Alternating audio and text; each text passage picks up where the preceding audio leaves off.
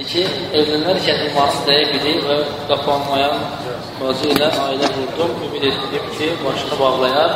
Artıq 5 illik ailəlik, lakin nə qədər dəvət edirəmsə, başını bağlamır. Lakin namaz olursa, sayılardan yerinə getir, vəziyyətdir. Bu vəziyyətdə o qadına Allahdan qorxmağı tövsiyə edir. Allahdan qorxsun, Allah talanın hədlərini aşmasın. Allah Azə və Cəllə sənə əmr edibdir. Allah tala sənə icabı əmr edibdir. Müsəlman bağlı olmaq. Mümin qadın bağlı olmaq.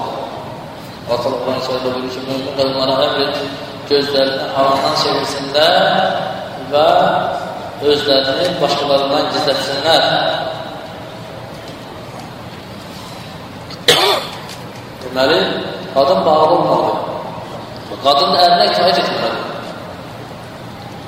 Qadın ərinə itaət etməməsi böyük günahlardandır. Səni cənnətə aparan yollar sənin ərindir.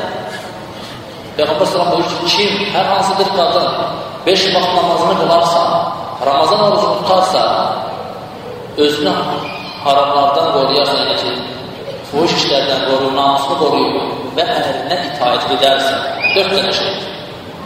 Ərinə itaət edərsə, qiyamət günü ona deyilər ki, cənnətin 8 qapısından hansı mənsisən cənnətə gir. Baxın, yeganə fəzilət o kişilərə aid deyil. Bu fəzilət yalnız qadınlara gedir. Cənnətin hansı qapısından istəyirsən cənnətə gir. Bu fəzilətdən özünü niyə məhrum edirsən? Kimlərə görə insanlar, o məqrabam nə deyər, bağlandı deyə. Subhanallah, sən cəhənnəm azabından qurtarmayacaq. Vallahi qiyamət günü onların heç bir faydası olmayacaq sənə.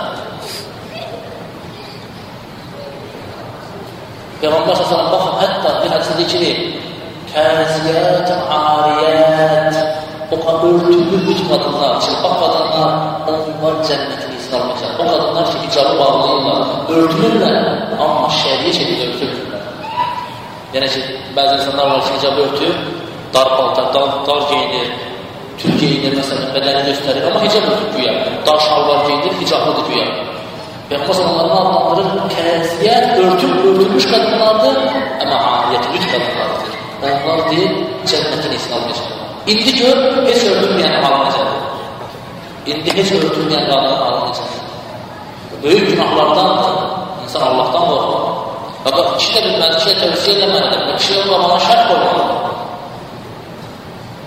Peki bir insan Allah'a Allah'a boyun eğmirsə, o sənə həyatda boyun eğməyəcək.